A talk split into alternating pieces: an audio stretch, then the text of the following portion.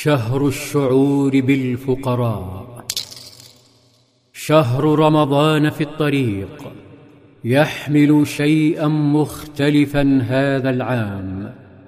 حين أنزل الله سبحانه قوله شهر رمضان الذي أنزل فيه القرآن هدى للناس وبينات من الهدى والفرقان. فمن شهد منكم الشهر فليصم.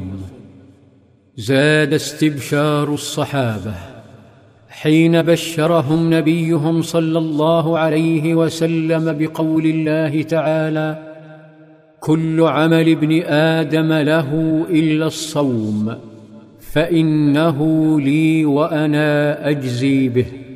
لكنه حذرهم من أخطر الأشياء على الصوم فقال من لم يدع قول الزور والعمل به فليس لله حاجة في أن يدع طعامه وشرابه. كان صيام رمضان في البداية اختياريا فمن حق المسلم أن يفطر ولكن يجب عليه تقديم فدية. قدرها إطعام مسكين عن كل يوم لا يصومه. قال تعالى وعلى الذين يطيقونه فدية طعام مسكين. فمن تطوع خيرا فهو خير له وأن تصوموا خير لكم إن كنتم تعلمون. وكان الصيام في البداية أيضا بلا سحور أي أن الصائم يعرف وقت الإفطار لكنه يجهل وقت الإمساك. وهذا معناه أنه بعد غروب الشمس يجوز له الشرب والأكل ما دام مستيقظا. لكن لو نام ثم استيقظ في الليل فلا يجوز له الأكل حتى غروب شمس اليوم التالي. ها هو الأنصاري أبو قيس. يتهادى نحو بيته بعد مغرب يوم من العمل والصيام. ولما وصل دخل بيته فسأل زوجته هل من شيء؟ فقالت ما عندنا شيء. رق قلب الزوجة الحنون على هذا الحبيب الجائع فقالت أخرج ألتمس لك عشاء. فانطلقت تبحث عن طعام. أما هو فوضع رأسه فنام من التعب.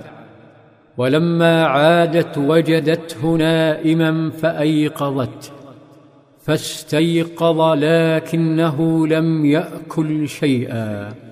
ثم صلى وواصل رقاده وبات صائما.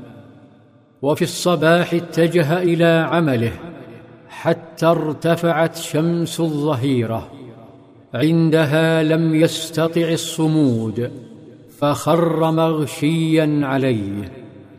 بعد ذلك بمدة نزل قول الله تعالى وكلوا واشربوا حتى يتبين لكم الخيط الأبيض من الخيط الأسود من الفجر ثم أتموا الصيام إلى الليل ولما نزلت هذه الآية فرح المؤمنون.